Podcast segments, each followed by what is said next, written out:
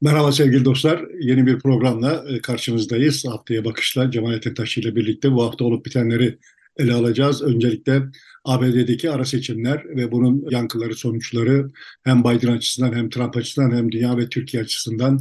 Onun dışında Putin'in geri çekilmesi her sondan kendi Rus toprağı ilan etmişti her sonu ama son anda geri çekildi. Bunun yankılarını ve tahıl koridorunun devam ediyor olmasını bir barış umudu var mı yok mu onu ele alacağız ama Putin G20 zirvesine katılmıyor. G20 zirvesinde Biden ile Xi Jinping baş başa bir görüşme gerçekleştirecekler. Tabii diğer liderlerle de görüşmeler arka arkaya olacaktır.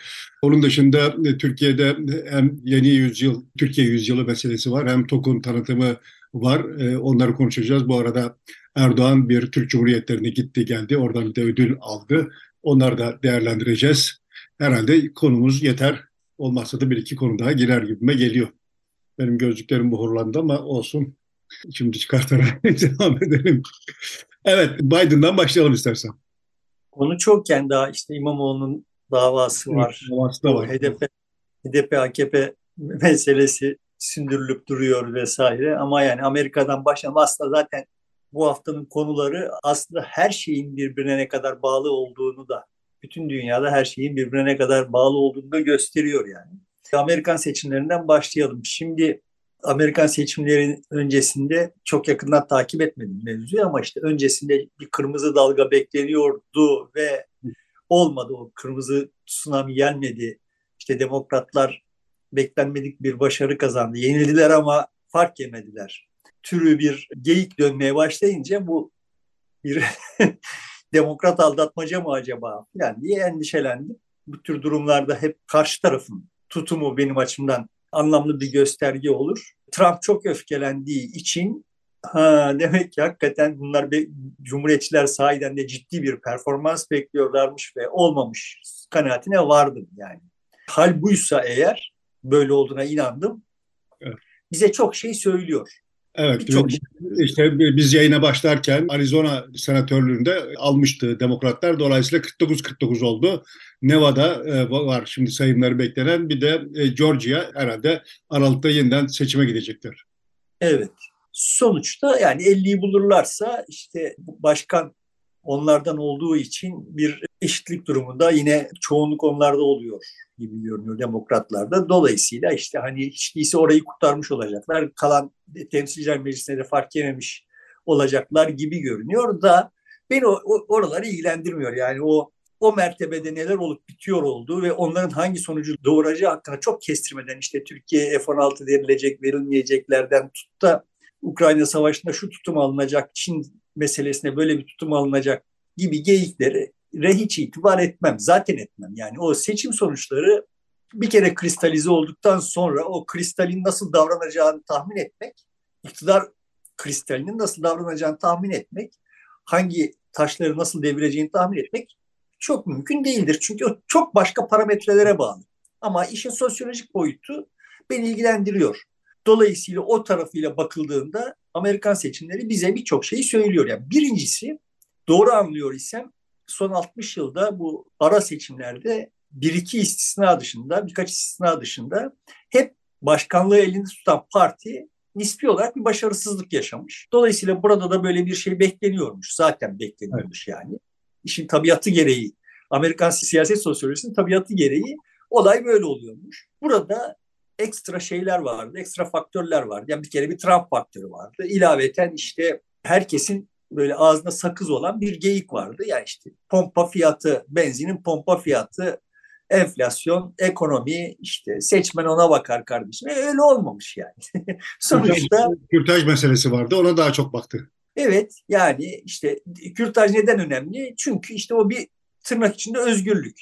Yani insanlar pompa fiyatından daha çok kürtajı önemsiyor iseler demek ki daha soylu bir tutum sergilemişler. Yani böyle insanları kursaktan ibaret görüp işte benzin fiyatıyla, karnabahar fiyatıyla filan karar veren şeyler olarak görenlere bir ders daha oldu. Tabii ki bir ders daha almadılar. Yine bu geyikler sürecek ama görünüyor ki sosyolojik olarak bütün dünyada sadece Amerika'da değil bütün dünyada insanlar tahmin edilenden daha soylular. Daha soylu tercihleri var yani. Hani bu bizim açımızdan da bir ders olsa iyi olur diye düşünüyorum. Yani bizim siyasetçilerimiz ve Yani siyaset enflasyon analistleri. yüzde seksen hala nasıl oluyordu AK Parti e, anketlerde birinci parti çıkıyor diyenler açısından e, bunu söylemekte fayda var. Evet, yani başka bir şey var orada ve onu yakalayamazsanız eğer insanlara böyle işte midesinden başka bir şey düşünmeyen şeyler olarak görmeyi sürdürürseniz bunun bir reaksiyonu olacak. Anlaşılan o ki Birleşik Devletler'de olan şey de bir reaksiyon. Çünkü görünen o ki ara seçimlerde genel olarak çok düşük olan, zaten genel olarak düşük olan katılım ara seçimlerde iyice düşermiş. Bu seçimde iddialar doğruysa %50 civarında yani beklenmedik bir Artış yüksek oranda katılım var seçime. Zaten de muhtemelen farkı yaratan da o katılım. Bu da gösteriyor ki Amerika'da da yani işte mevcut siyasi kutuplaşma normal şartlarda oy vermeye gitmeyebilecek olan, gitmeyecek olanları sandığa götürüyor. Orada Biden'ın son bir çağrısı vardı. İşte bu e, demokrasi açısından son derece önemli bir seçim. Ya demokrasiden vazgeçeceğiz ya demokrasiyi sürdüreceğiz gibi bir teklifle çıktı seçmenin karşısına. Bu da etkili oldu diyenler var. Bilmiyorum yani Biden çağırdığı için nedir? Ama sonuçta kendi aralarındaki o etkileşim, insanların kendi aralarındaki etkileşim bu maçı sana bırakmayacağım kararlılığının da zaten var olduğunu, Biden'ın da onu gördüğü için bu lafı ettiğini düşünüyorum. Kürtaj meselesi bariz bir biçimde bir yargı darbesiydi. Yani işte yargıyı ele geçirip bir şeyleri kendi istediğin şekliyle yapmaya kalktığın zaman toplumsal sosyal kesimler buna reaksiyon gösteriyorlar. Dolayısıyla böyle işte gücü ele geçirip bir yerlerde bir takım dizaynlar yapmanın da ters tepiyor olduğunun da bir göstergesi. Enflasyon Birleşik Devletler'de de Avrupa'da da yani işte 40 yıldır unutulmuş olan bir hadiseydi ve hortladı. Ciddi bir korku yaratmış olması gerekiyor ve dolayısıyla reaksiyon yaratmış olması gerekiyor. Öyle olmadı. Dolayısıyla dediğim gibi hani hepimiz için bu işler hakkında düşünmek Gerçi konusunda seçim öncesi işsizlik sayısında olağanüstü bir düşüş olmuş e, son 3-4 ayda E, ve hatta istihdamda bir artış da gerçekleşmiş. Son ay enflasyonda bir düşme de oldu ama o seçimden sonra açıklandığı için seçim etkilemiş olmayabilir. Fakat istihdamın artmış olmasının etkili olduğunu söyleyenler de var. işte yani ille böyle bir ekonomik faktör bulmaya çalışanlar istihdam verileri ve filan gibi şeyleri çok önemsiyorlar. Sonuçta yaratılıyor olan istihdam çok uzun süredir. Bu yeni bir şey değil yani. Yaratılıyor olan istihdam hep güvencesiz işlerde. ve niteliksiz işler yani. Dolayısıyla öyle yani şimdi Türkiye'de de istihdam artıyor. Ne, nasıl artıyor?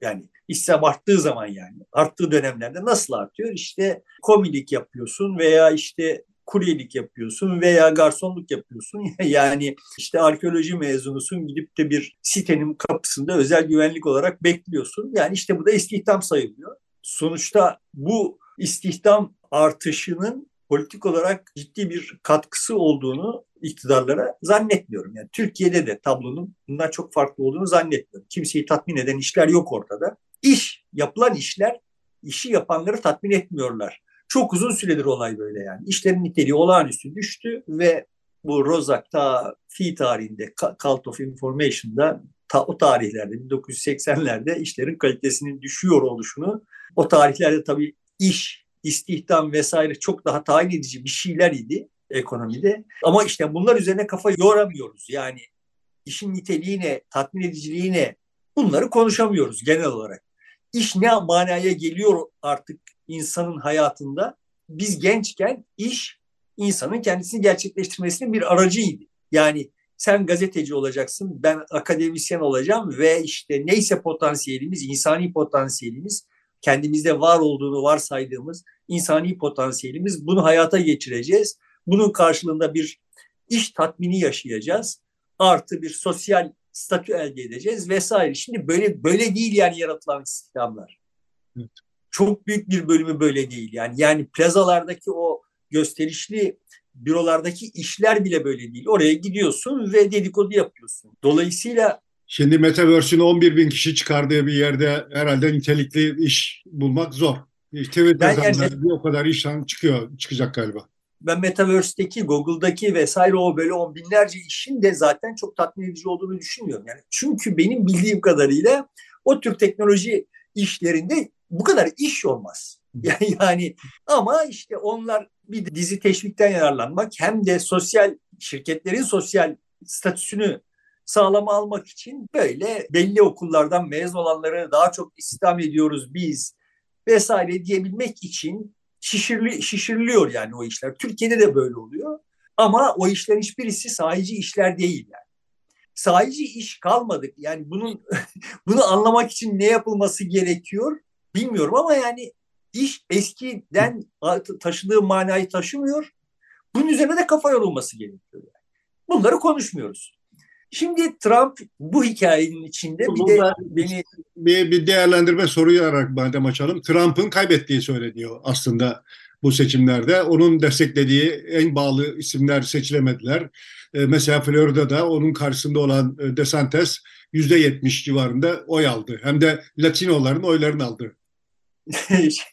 Trump da seçimden sonra o öfkeli çıkışlarının bir tanesinde laf arasında durduk yerde DeSantis'e ben ondan daha çok oy almıştım Florida'da diye e, başkanlık seçiminde ondan daha çok oy almıştım diye laf atmak ihtiyacı hissetmiş ve görünüyor ki evet yani kendisini rahat hissetmiyor ve orada işte hani bir maç başlamış gibi görünüyor DeSantis ile Trump arasında. Yani Cumhuriyetçiler şimdi bu tabloyu nasıl değerlendirecekler? Ha bak biz Trump'ın desteklediği adaylar yüzünden kaybettik ve demek ki Trump'ın arkasına gidersek bir sonraki başkanlık seçiminde kaybetme riskimiz var. Çünkü Trump karşı tarafta da ciddi bir konsolidasyona sebep oluyor diye yorumlayacaklarsa, yorumlarlarsa başka türlü gerçekleşecek olay. Yok ama yani işte Trump yeniden o gücünü, partinin içindeki gücünü koruyabilirse başka türlü gerçekleşecek. Son tahlilde görünüyor ki buradan sonra Cumhuriyetçiler içinde, Birleşik Devletler içinde ve dünya içinde yeni bir karar süreci başlıyor, sürecek yani. O bir, bir, bir mücadele orada olacak. Burada beni çok ilgilendiriyor olan Trump seçimden hemen önce attığı tweette demiş ki eğer kazanırsanız, kazanırsak bu benim sayemde unutmayın. Ama eğer kaybedersek beni suçlamayın demiş. Şimdi Trump'ı ve Trump gibileri bu yüzden çok seviyorum. Yani mesela Putin'i de bu yüzden çok seviyorum. Yani adam aslında zaten bütün Rusların ağzının içine geveliyor, geveliyordu olduğu ya kardeşim bu Ukrayna be, Beyaz Rusya falan falan yapay devletler bunların hepsi bir ve bunların hepsinin patronu biziz algısını. Bu zaten vardı ama bunu böyle açık yüreklilikle dangadanak söyleyen Putin oldu. Ve dünyanın her yerinde bütün iktidar mikro iktidar sahipleri aslında Trump'ın dediği gibi davranıyorlar. Yani eğer kazanırsak benim sayemde ya Fatih Terim Galatasaray'ın başındayken genel edası kazanırsak benim sayemde ama kaybedersek benden bilmeyin birileri yüzünden bu. Şimdi Türkiye'deki iktidar sittin senedir böyle öyle değil mi? Yani sonuçta enflasyon düşerse Erdoğan'dan yükselirse Allah'ın işi yani ekonomide işler yolunda giderse, ekonomi büyüyorsa bu Erdoğan'ın politikaları sayesinde ama eğer büyüyemiyor isek ya bu işte Dünyada her yerde kötü zaten. Bizde gene en iyisi bizde falan gibi şeyler. Ya da Bay Kemal var orada bekliyor evet. E, fatura kesilecek. Şimdi ama bu dediğim gibi hani bugünün işi değil. Ve bütün iktidar odaklarında zaten yaygın olarak paylaşılan bir şey. Yani şimdi Mesela bu e, günümüzün tırnak içinde Osmanlıcıları bir Osmanlı hikayesi yazıyorlar. Böyle işte şunları başardı. E, ama yani sonuçta aynı Osmanlı çökmüş. Yani sonuçta şey milli mücadele yapıp da o milli mücadelenin sonrasında e, saltanatı kaldırıp iktidarı kurmuş olanlar böyle parlak bir Osmanlı'yı yıkmamışlar ki yani. O zaten çökmüş. Savaşta kaybetmiş, parçalanmış. Yani şimdi o muzaffer Osmanlı Osmanlıymış da çöken Osmanlı Osmanlı değil miydi yani? Yani Osmanlı çökmüş. Osmanlı başarmışmış zamanında. Osmanlı başaramamış. Onu dış güçler yaptı. E tamam yani ya o dış güçlerle baş edememiş. Zamanında da dış güçlerle baş ettiği için muzaffermiş. Evet, Sonuçta başaramamış ve ama başarılar Osmanlı'dan, başarısızlıklar bir şeylerden yani. Yani Osmanlı'nın başarısızlıklarına da sahiplenin madem. Benzer şekilde şimdi Atatürkçüler için. Yani Atatürk şunu yapmış, bunu yapmış, bize şu kapıları açmış. E ama sonuçta kurduğu cumhuriyet bugün işte görünüyor ki dünyada böyle çok da matah bir performansı gösterememiş. E şimdi o kurucu ilkeler şunları şunları şunları başarmış da yani mesela evet, 1950'de gelmişler de karşı devrime yapılmayacak karşı devrim yapılmayacak bir cumhuriyet kursaymış kardeşim yani.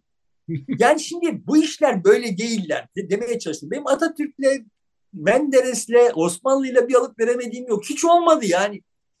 Bunların hepsi kendi bildiklerini, kendi bildikleri şekilde yapmışlar ve şimdi sıra bize gelmiş. Böyle bakıyordum yani. Sıra bize gelmiş. Bildiğimizi yapmamız gerekiyor. Elimizdeki şey bu yani. Malzeme bu. Ama biz durmadan Osmanlı'yı, Atatürk'ü, Menderes'i vesaireyi konuşa konuşa konuşa geliş getire getire bu hale getirdik. Bu durumdan çıkamamıyor olmamız bizim kendi sorunumuz, bizim yetersizliğimiz ama sonuçta eğer orada bir yerlerde bir takım sihirli formüllerle sihirli bir takım işler başarılmış varsayacaksak o sihirli formüllerin bizim bu kapana girmememizi sağlaması gerekiyor. Yani ya Osmanlı'nın ya Cumhuriyet'in ya Menderes'in bizim bu kapana girmememizi sağlaması gerekiyordu madem yani. Ya da işte Erdoğan çok iyiydiyse en son ekonomik olarak bu durumda olmamamız gerekiyordu. Birçok başka şeyin böyle olmaması gerekiyordu. Erdoğan bu kadar iyiydiyse şimdi hapishanelerin bu kadar dolu olmaması gerekiyordu.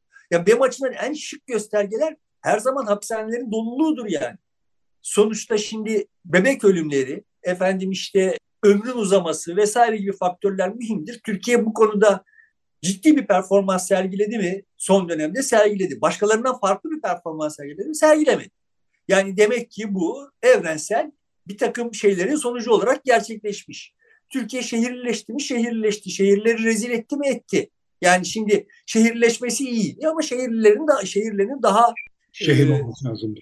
Sağlıklı olması gerekiyordu. Bunu başarabildi mi? Başaramadı. Türkiye birçok şehrini kaybetti mi bu süreçte? Kaybetti. Şimdi bunlar önemli göstergeler ama bütün bunlar arasında hakikaten benim açımdan en şık gösterge hapishanelerin doluluğudur. Sen şimdi diyorsun ki şu kadar uyuşturucu satıcısı yakalıyor. o kadar uyuşturucu satıcısı yakalıyorsan demek ki o kadar uyuşturucu satılıyor yani memlekette. Sonuçta bu kadar uyuşturucu. Şimdi o 330 bin kişi var yaklaşık e, hapishanelerde tutuklu mahkum.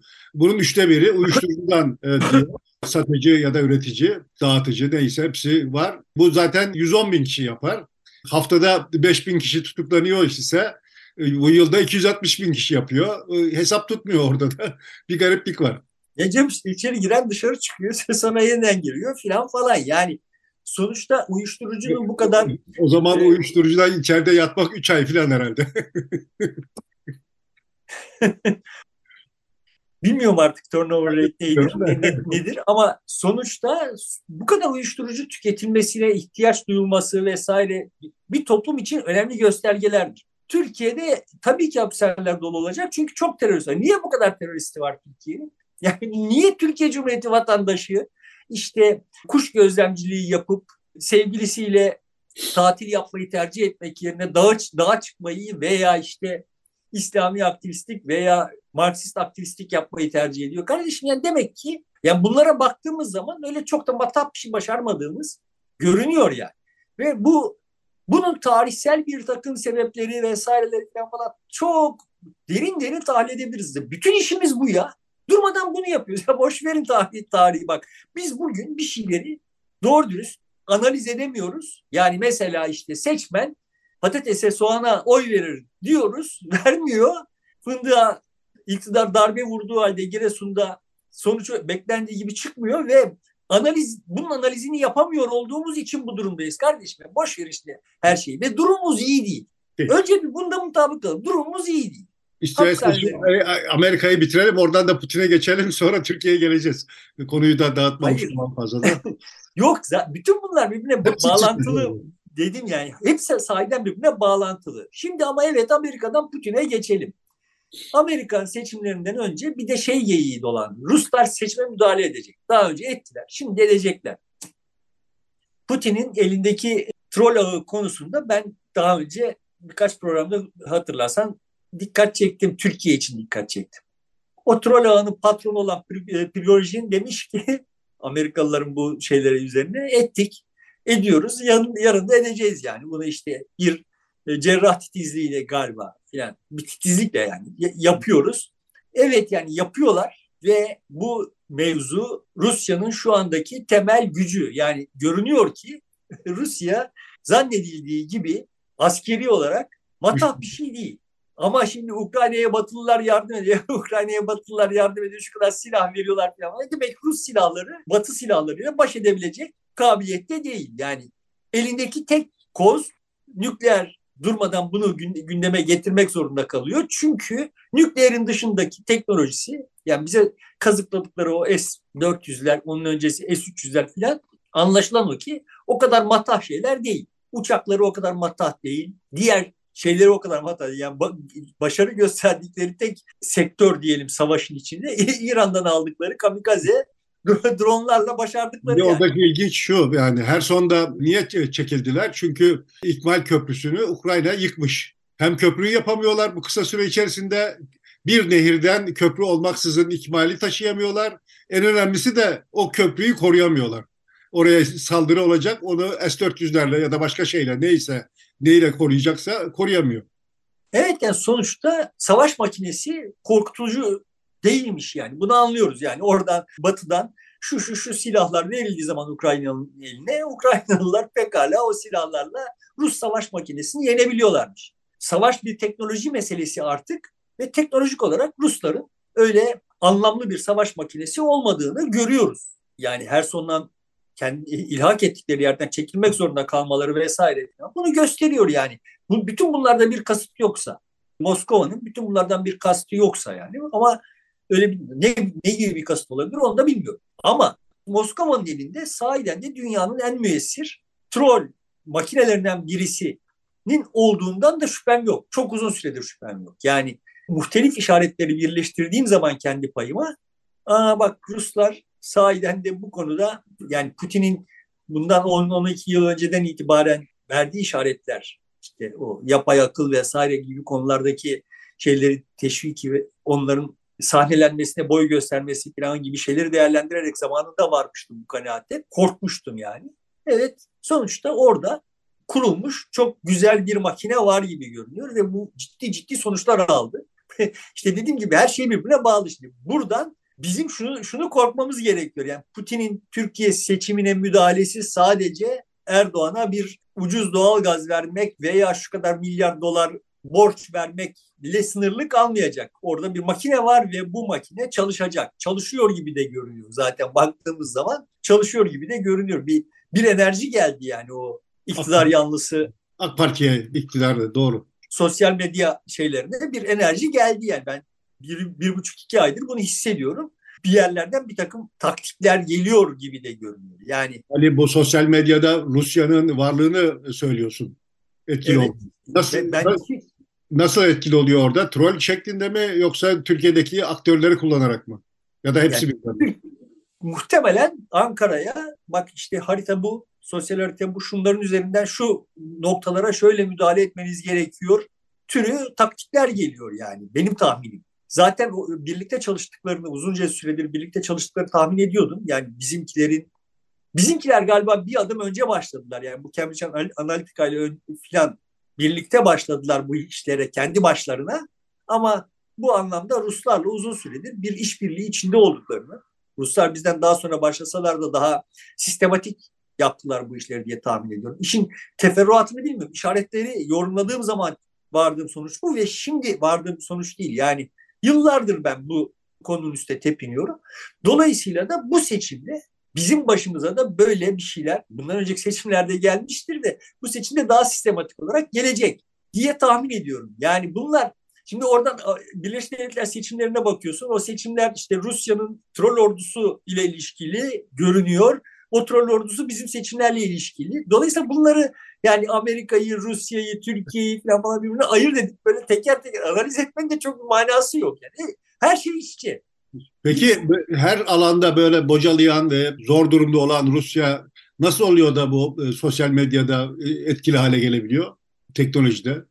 İşte benim gördüğüm tablo ben bunu yazmıştım yani bir yerde yazmıştım bundan 8-10 sene önce ya, ya yanlış. Belki o kadar olmadı. 5-6 sene önce. Yani bu Türkiye'deki yerel seçimlerden hemen önce. Demek ki daha bile yakın. Yani e, Rusya sistematik olarak buraya ciddi bir yatırım yaptı. Buraya yapılacak yatırım öyle çok ciddi bir kaynak gerektirmiyor. Yani silah endüstrisinin geliştirilmesi konusunda ciddi bir yatırım gerekiyor.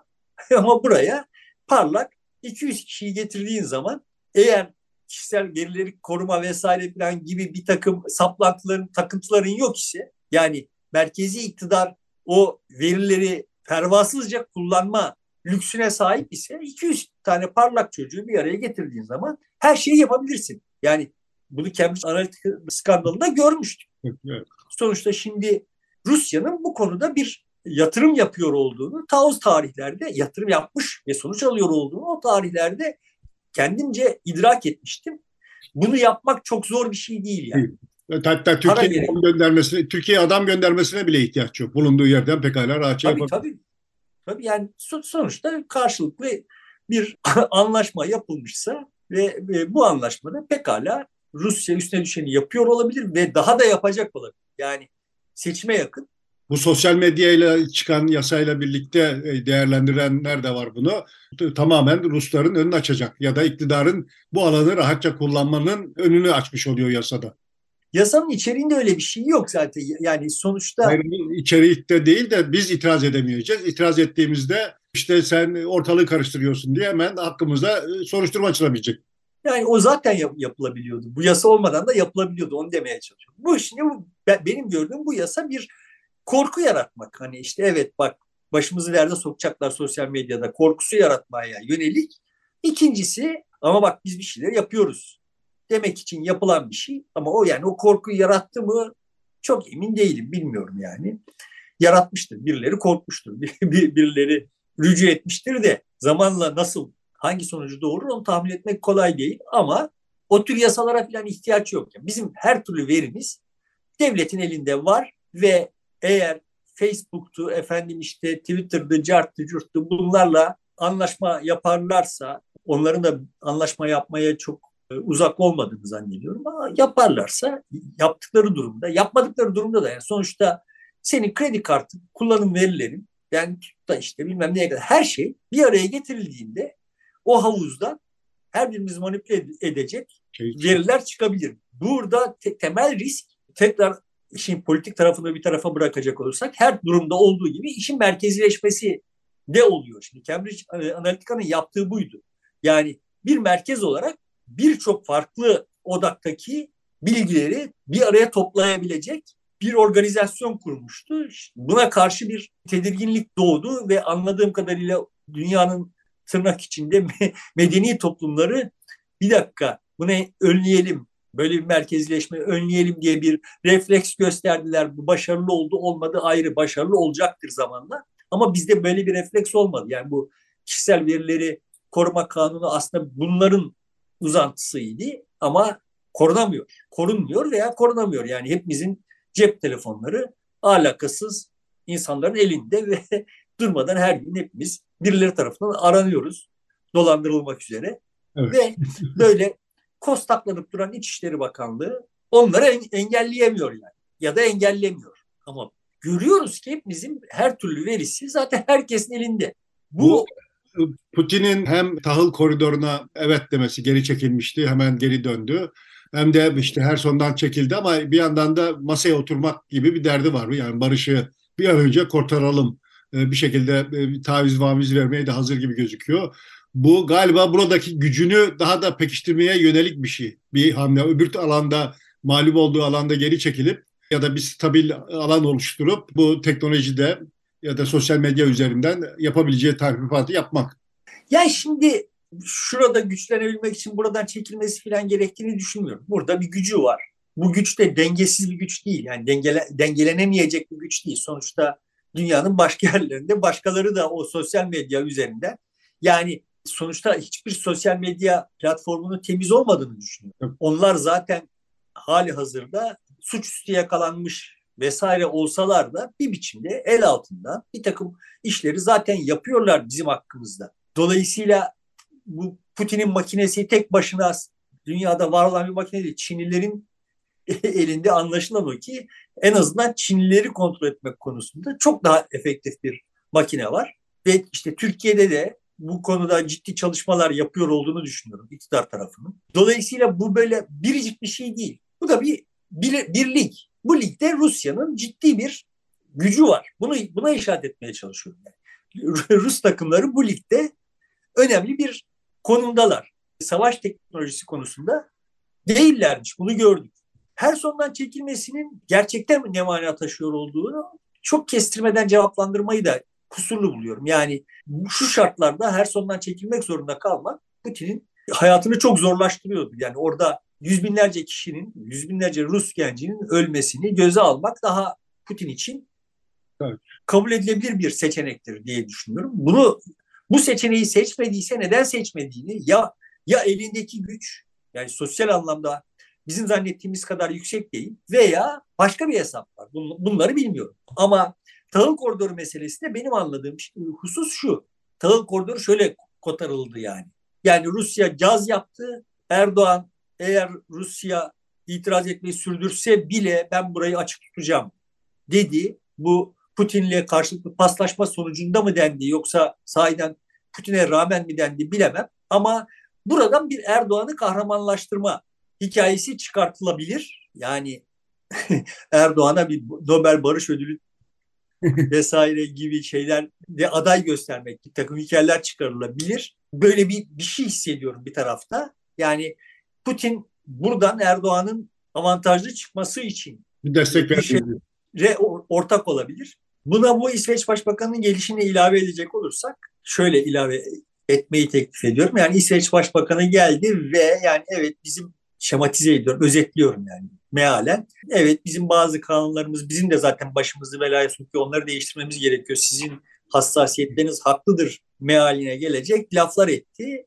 Yani şimdi Erdoğan İsveç'in kendi problemlerini çözmesi için kanunlarını değiştirmesini sağlayacak bir müdahaleyi yapan adam pozisyonunda kazandı. Yani bir yandan tahıl koridorunu insanlık için çok mühim olan tahıl koridorunu açık tutan adam ve işte bir yandan da dünyaya böyle dünyayı tanzim eden ta İsveç'e zamanında Osmanlı'nın yaptığı gibi ta İsveç'e işte düzen ihraç eden bir adam pozisyon pozisyonuna gelebilir ve bu Türkiye'de birçok kesimi çok birçok kesimin gururunu çok okşar. Böyle bakılınca işte Erdoğan'ın seçimde üzerine yaslanacağı ayağı buraya doğru oturur mu acaba?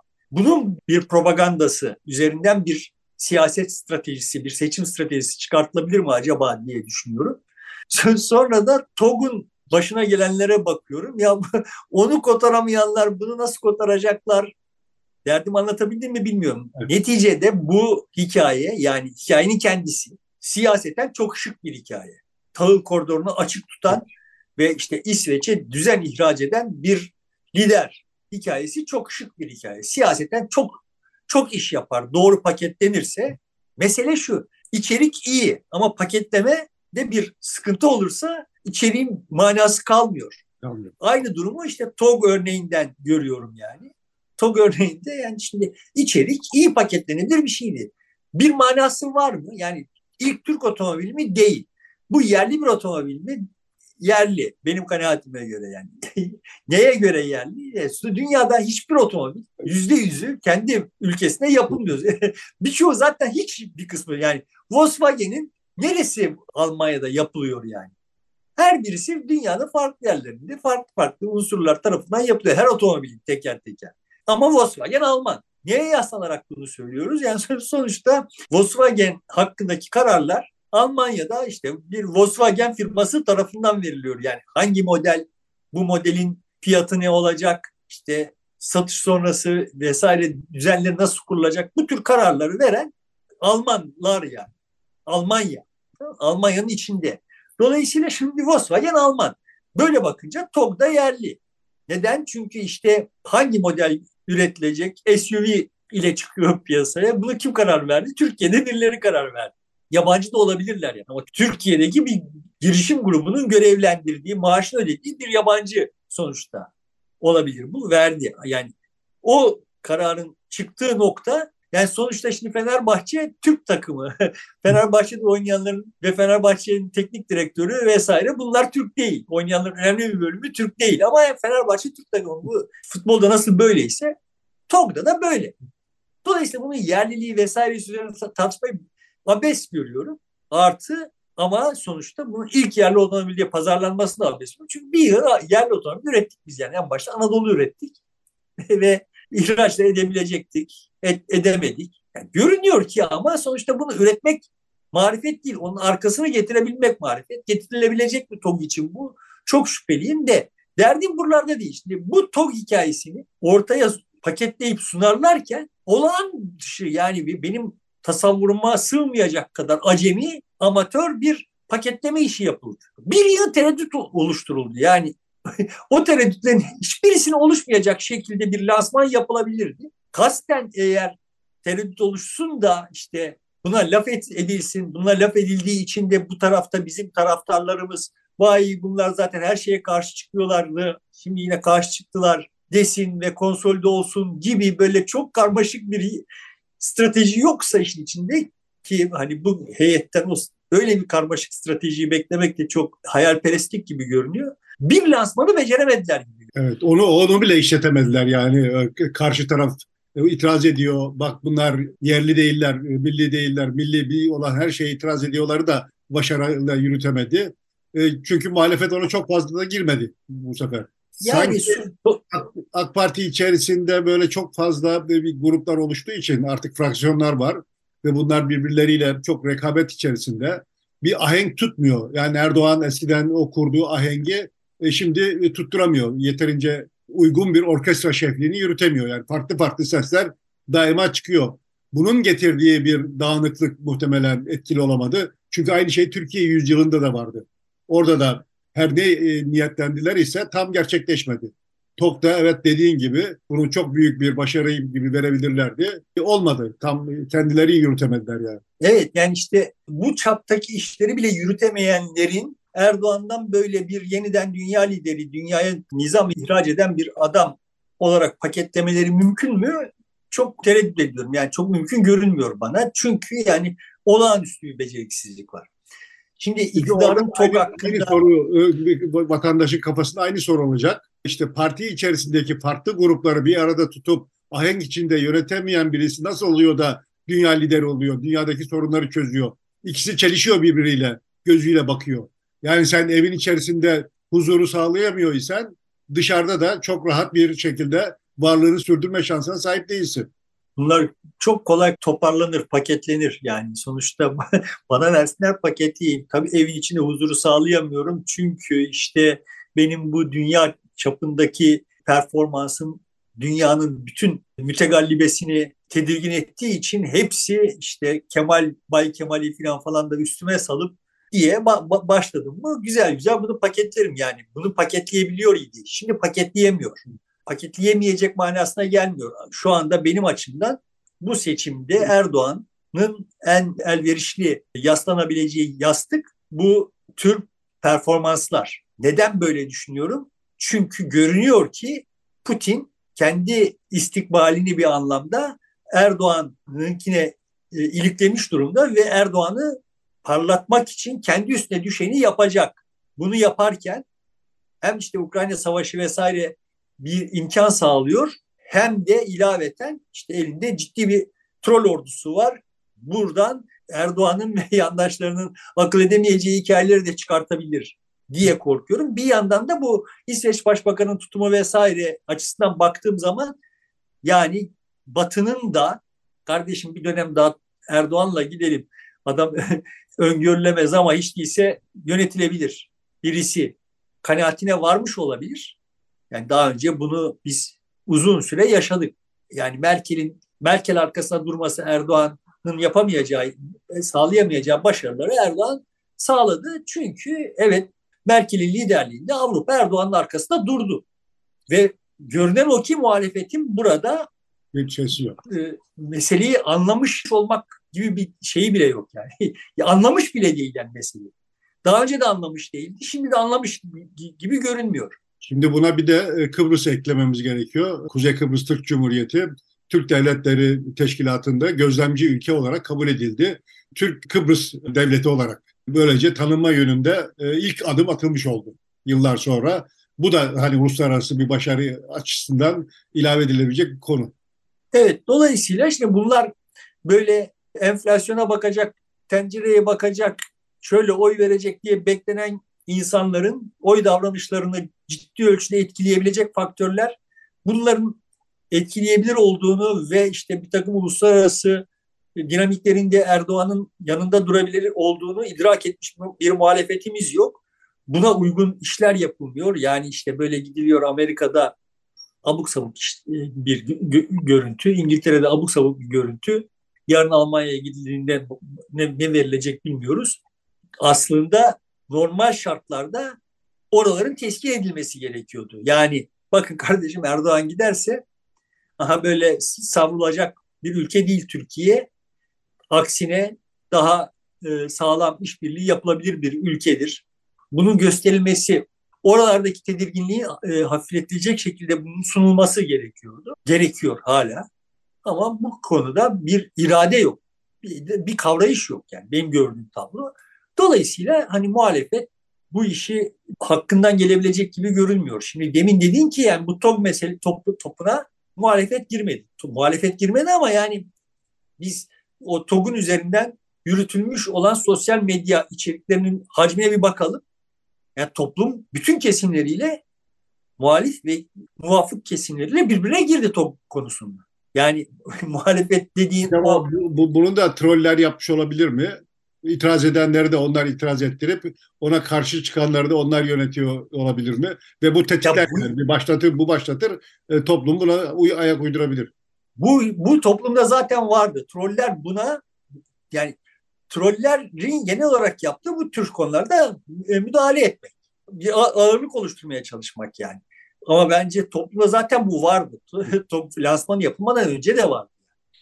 Çünkü yani toplumun bütün kesimleri şunu hissediyor. Yani bu mesele, bu seçim tencere üzerinden yürümeyecek. Başka bir şeyler üzerinden yürüyecek ve yani işte muhalif kesimler şöyle teyakkuza geçmiş durumdalar. Ya bunlar şimdi TOG'u kullanarak diğer kesimi konsolide edebilirler mi? Edemesinler diye buradan bir yığın malzeme üretiyorlar. Onlar o malzemeyi üretince karşı tarafta TOG üzerinden malzeme üretiyor. Sonra işte adam çıkıyor diyor TOG'u durduramayacaksınız. Yani sen para çaldın mı diye soruyoruz. TOG'u durduramayacaksınız diyor. Şimdi iş buraya varıyor yani. Evet. Ve aslında siyaset bunun üzerinden yürüyor. Sosyolojik kesimlerin fay hatları burada. Dolayısıyla şimdi muhalefetin aslında topluma şunu demesi gerekiyor. Kardeşim bak biz saygıdeğer bir Türkiye'yi önemsiyoruz. Bütün dünyada saygı gören bir Türkiye'yi önemsiyoruz ve bunu yapacağız. Biz yapacağız yani.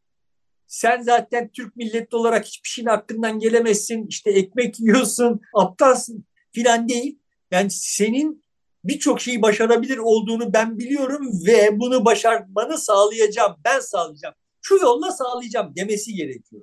Yani muhalif siyasi aktörlerin bunu demesi gerekiyor. Şimdi bu anlamda muhalif kesimlerin, sosyal kesimlerin e, toplumu aşağılama şeyleri biraz düştü. Nispi olarak düştü. Yani bundan 10 yıl öncesine, 30 yıl öncesine kıyasla düştü. Biraz daha dillerini ısırıyorlar ama muhalif aktörlerin bu, oyunun burada dönüyor olduğunu idrak etmediklerini görüyorum. Benim derdim burada.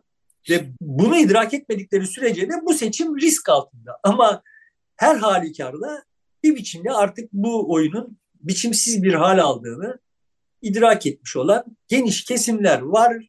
İdrak etmiş olan yanlış bir tabir oldu. Zaten biliyordu olan ve bir muhalif aktörü buradan ittirebilmek için fırsat kolluyor olanlar var. Eğer önleri kesilmezse bu toplum muhalif siyasetçilere rağmen yani işte bu Akşener'in vesairenin abuk sabuk yaptıkları işlere rağmen yani bu abuk sabuklukları en somut olarak bu işte HDP AKP meselesinde görüyoruz.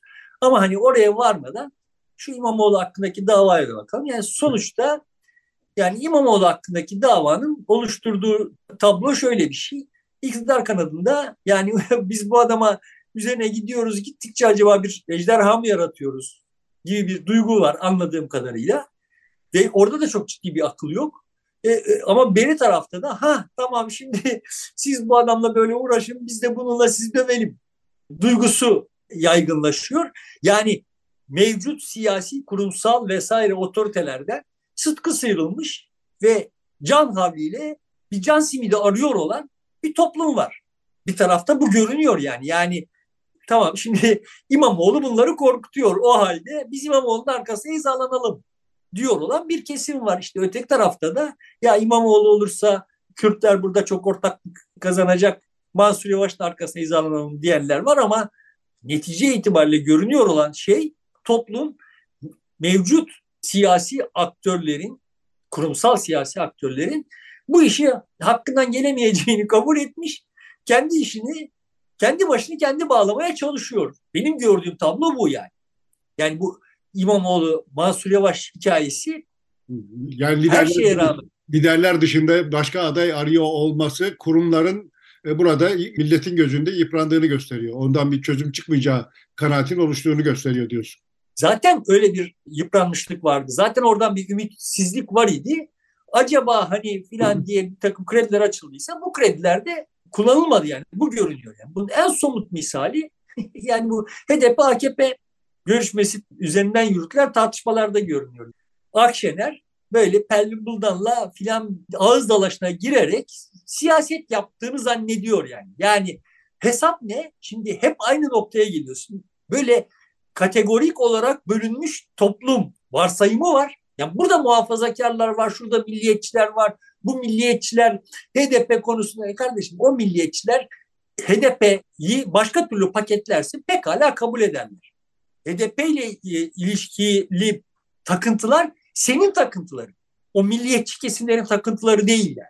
Aklı sıra küçücük aklıyla işte bak ha HDP ile görüşen AKP'yi onaylayan MHP'ye mi oy vereceksiniz? Yoksa HDP'yi altılı masanın dışında tutmak için her şeyi yapan Akşener ablanıza mı?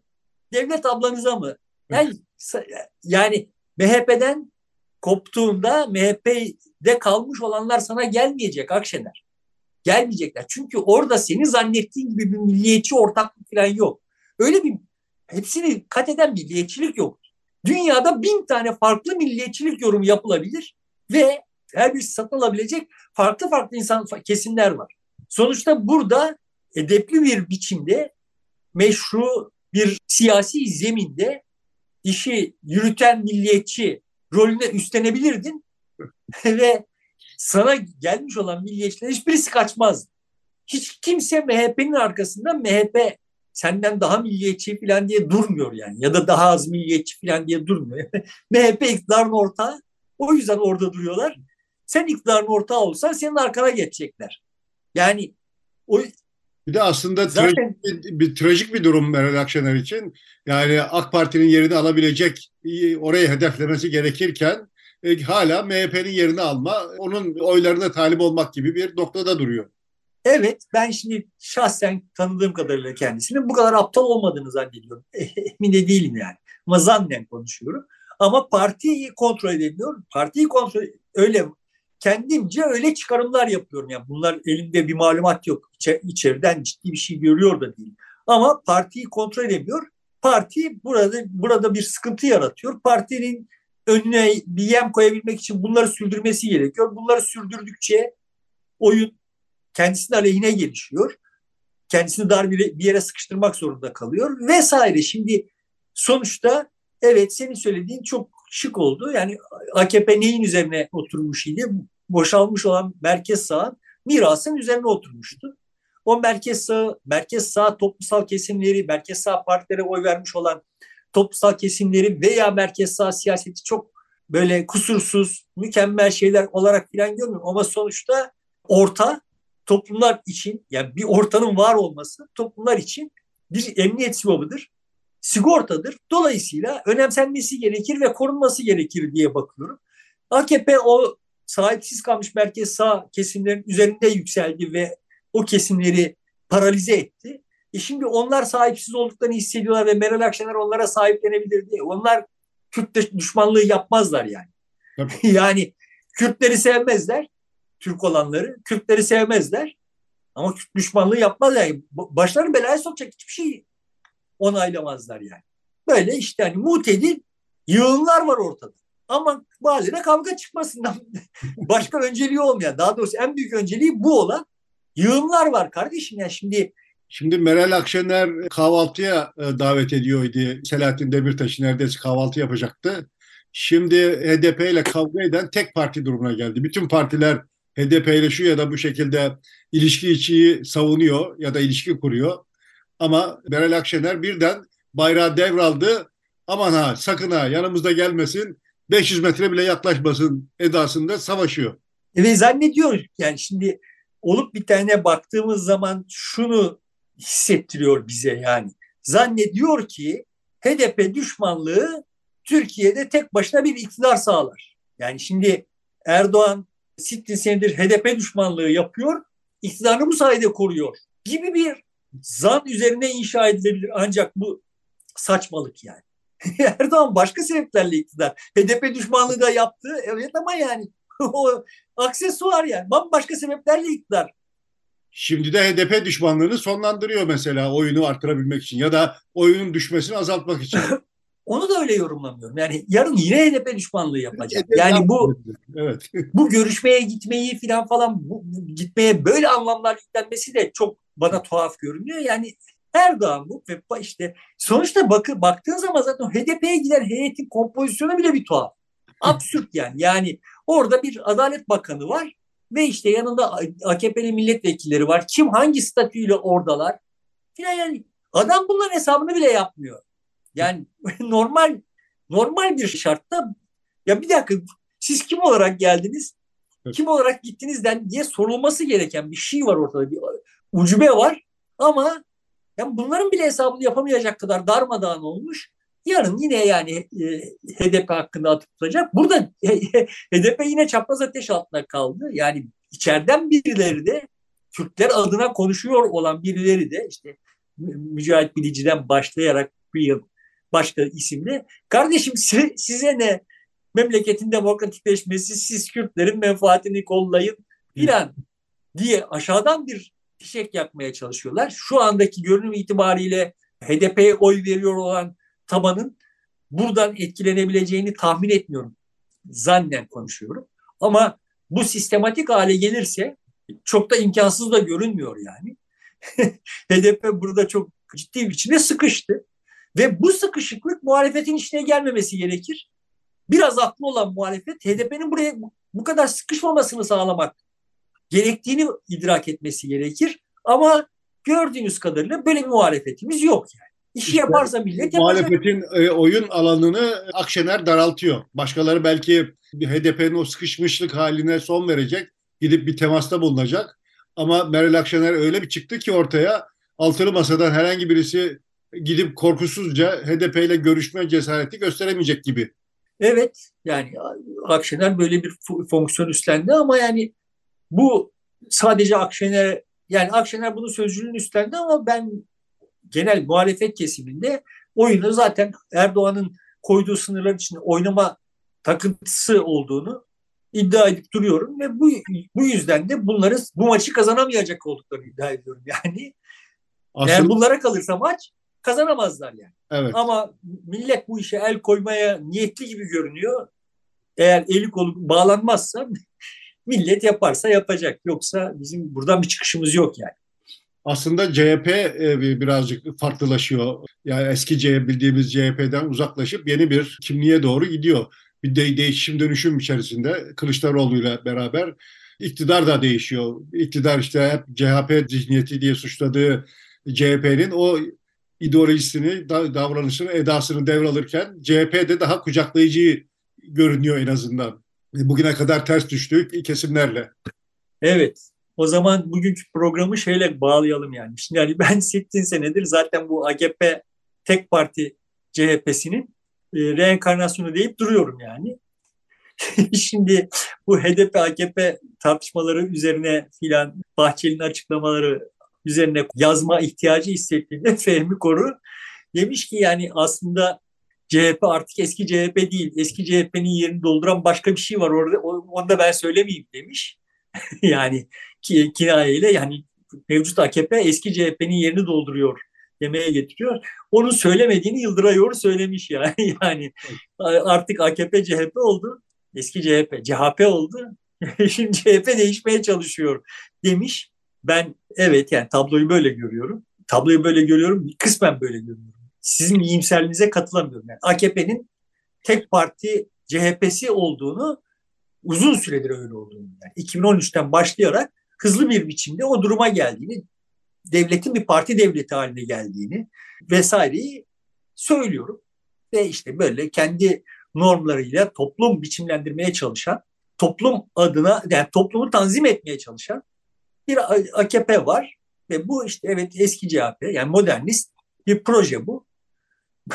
Bu modernist projenin CHP modernist projesinin modernist alternatifi Gülen'di. Şimdi Gülen'i tasfiye etmiş olan AKP daha devlet imkanlarıyla bu işi kotarıyor. Yani bu, bu o çok aşikar görünüyor yani. Yani hep muhtevaya baktığımız için biçimin tas tamam aynı olduğunu görmezden geliyoruz. Tayin edici olan formdur ve form AKP'nin mevcut formu 1940'ların CHP'si. Yani zerre kadar fark yok yani. Ama şimdi hani buraya, buraya kadar hepinize katılıyorum tamam. Ama CHP'nin değişmeye çalışıyor olduğu konusunda yani çok çok iyimsiniz. Yani böyle bir takım işaret fişekleri atıp bakın bu işaret fişeklerine aldanın da biz hani yine bildiğimiz yolda gidelim edası var. Toplumu, insanları aptal yerine koyma edası var diye hissediyorum. Temel meselemiz başladığımız noktaya dönelim. Temel meselemiz şu. İnsanlar sizin zannettiğinizden, siz derken seni kastetmiyorum. Bunların zannettiğinden daha soylu pozisyonları savunmak için çok ciddi riskleri göze alırlar. Bütün insanlar böyledir. AKP'ye oy verenler kendilerince son derece soylu tercihler yüzünden AKP'nin günahlarına göz yumuyorlar. Görmüyorlar değil yani. Ama çok soylu kendilerince çok soylu hayalleri var. İşte dünyaya nizam vermek gibilerinden.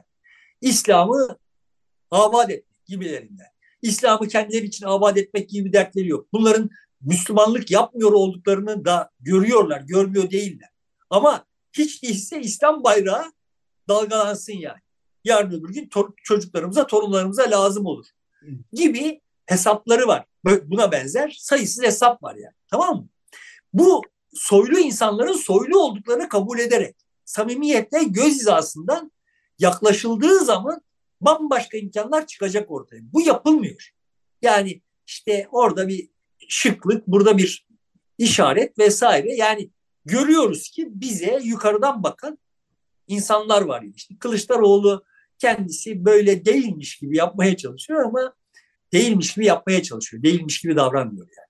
Ama içinde gene CHP'nin içerisinde değişme isteğini en çok talep eden ya da söyleyen ve bunu göstermeye çalışan da Kılıçdaroğlu. Evet, ona katılıyorum yani. Ama biz insanların istekleri, niyetleri vesairelerle falan bir yol alamayız. Yapıp ettikleriyle, becerik yani sonuçta sen Galatasaray'ın sol açı olarak sahaya çıkarsın ve işte maç boyunca işte şu kadar 90 dakikada şu kadar koşmayı ve işte şu kadar iyi orta yapıp şu kadar asist yapmayı istiyor olabilirsin. o istiyor olmak bir şey çözmüyor yani. Yapabiliyor musun? Yapabiliyor isen Galatasaray'da sol açık olursun. O yapamıyor, yapamıyor isen olmazsın. Yani sonuç sorun şu. Biz yapmayı istiyor olması üzerinden insanları bir takım pozisyonlarda tutuyoruz. Ve o oradan istiyor olması üzerinden o, o postu koruyor. Yapamıyor kardeşim. Başka Yapamıyor ise. Başka isteyen de yok ama.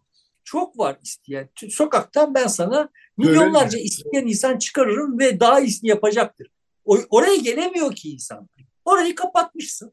Yani Muharrem İnce ile kurultayda kapışabilecek olmadığını göstermişsin. Muharrem İnce'nin önünü kesmişsin. Balbay ile bile kapışacak olmadığını göstermişsin. Ve sonra diyorsun ki şimdi sen bana Celal Kazdağlı olarak ama başka isteyen yok. Vardı kardeşim. Sistem oraya birilerinin çıkmasına mani oluyor ve Kılıçdaroğlu bundan ne nemalanıyor olanlardan bir tanesi. Seçtiği milletvekili, milletvekilleri de böyle der. İl başkanları da böyleler. Ve bütün partilerde tablo böyle. Yani şimdi Erdoğan'ın pozisyonuna otursa Erdoğan'ın gösterdiğinin yüz katı performans gösterecek bir yığın insan var. Ama oraya gelemiyorsun yani. Sonra işte buradan birileri Erdoğan, işte Anıtkabir'de Erdoğan diye bağırıyor. Öbürleri işte Kılıçdaroğlu'nun arkasında hizalanıyor falan. Yani kardeşim yani bu kişiler performans göstermiş olsalardı Türkiye bu halde olmayacak. Gösteremediler. Dolayısıyla şimdi bir tane bir tane imkanımız var elimizde toplum olarak normal şartlarda. Onları değiştirmek. Yani sen şimdi Galatasaray teknik direktörüsün. Sol açık. Bir şeyler istiyor yapamıyor. Ne yapabilirsin? Onu çıkarıp elindekilerden bir başkasını koyarsın. Böyle böyle o takım zaman içinde bir şey olur. E şimdi biz hiçbir oyuncumuzu değiştiremiyoruz. Biz de Sonra da başka bir Türkiye olsun istiyor. başka oyuncu olmasın istiyoruz. Yedek oyuncu bile bulundurmuyoruz. Ne olur ne olmaz diye.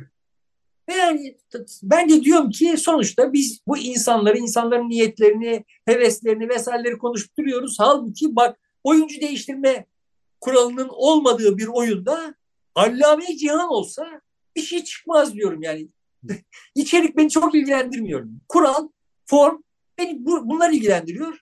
Bunlar üzerine konuşup duruyorum. Sonuçta bu toplum şimdi yapıyor olduğundan daha iyisini yapabilecek bir toplum. Bu toplumu oluşturan fertler, dünyanın bütün toplumları gibi son derece soylu, hedefler için ciddi fedakarlıkları göze alabilecek fertler ve ama yani sonuçta bu enerji heder ediliyor bir takım adamların iktidarı için. Kendilerini tatmin etmeleri için boşa akıtılıyor yani. Sen bu organizasyon biçimini değiştirmediğimiz sürece de buradan bir çıkışımız yok. Bizim mücadelemiz dolayısıyla benim kendi hesabıma olması gereken mücadelemiz toplumla, toplumun sıradan insanlarıyla değil. Bu gücü elinde tutup hesap vermeyen insanlarla. Kılıçdaroğlu kendince bir formül icat edecek de şunları yapacak da filan diye beklemekle yol alamayız yani. Dolayısıyla ben sizin kadar iyimser olamıyorum. Ama diyor te- tekrar söylemem bu seçim itibariyle bakıldığında millet bu seçime el koyabilirse herkese çok ciddi bir ders verecek. Ders alınacak mı alınmayacak yani işte Amerikan seçimlerinden alınması gereken ders alınacak mı alınmayacak yani. Yine yarından itibaren başlanacak. Pompa, benzinin pompa fiyatıydı, işte makarna fiyatıydı, cartı curttu bunlar üzerinden milleti aşağılayarak kendisinde çok kendisini çok matah bir şey zanneden, sağ, tek soylu taleplerin kendisinde birikmiş olduğunu zanneden bir güruh oyunu bozmayı sürdürecek ve bunların farkında olmadan destekledikleri bu oyun sürecek yani. Evet. Peki burada bitirelim. Varsa söyleyeceğim bir şey alalım değilse kapatıyoruz. Yok. Peki. Biz iyimser olmaya devam edelim yine. Ama toplum adına da iyimser olabiliriz. Peki sevgili dostlar burada bitiriyoruz. Bizi desteklemeyi sürdürürseniz teşekkür ederiz. Sağ olun. Görüşmek üzere. Hoşçakalın.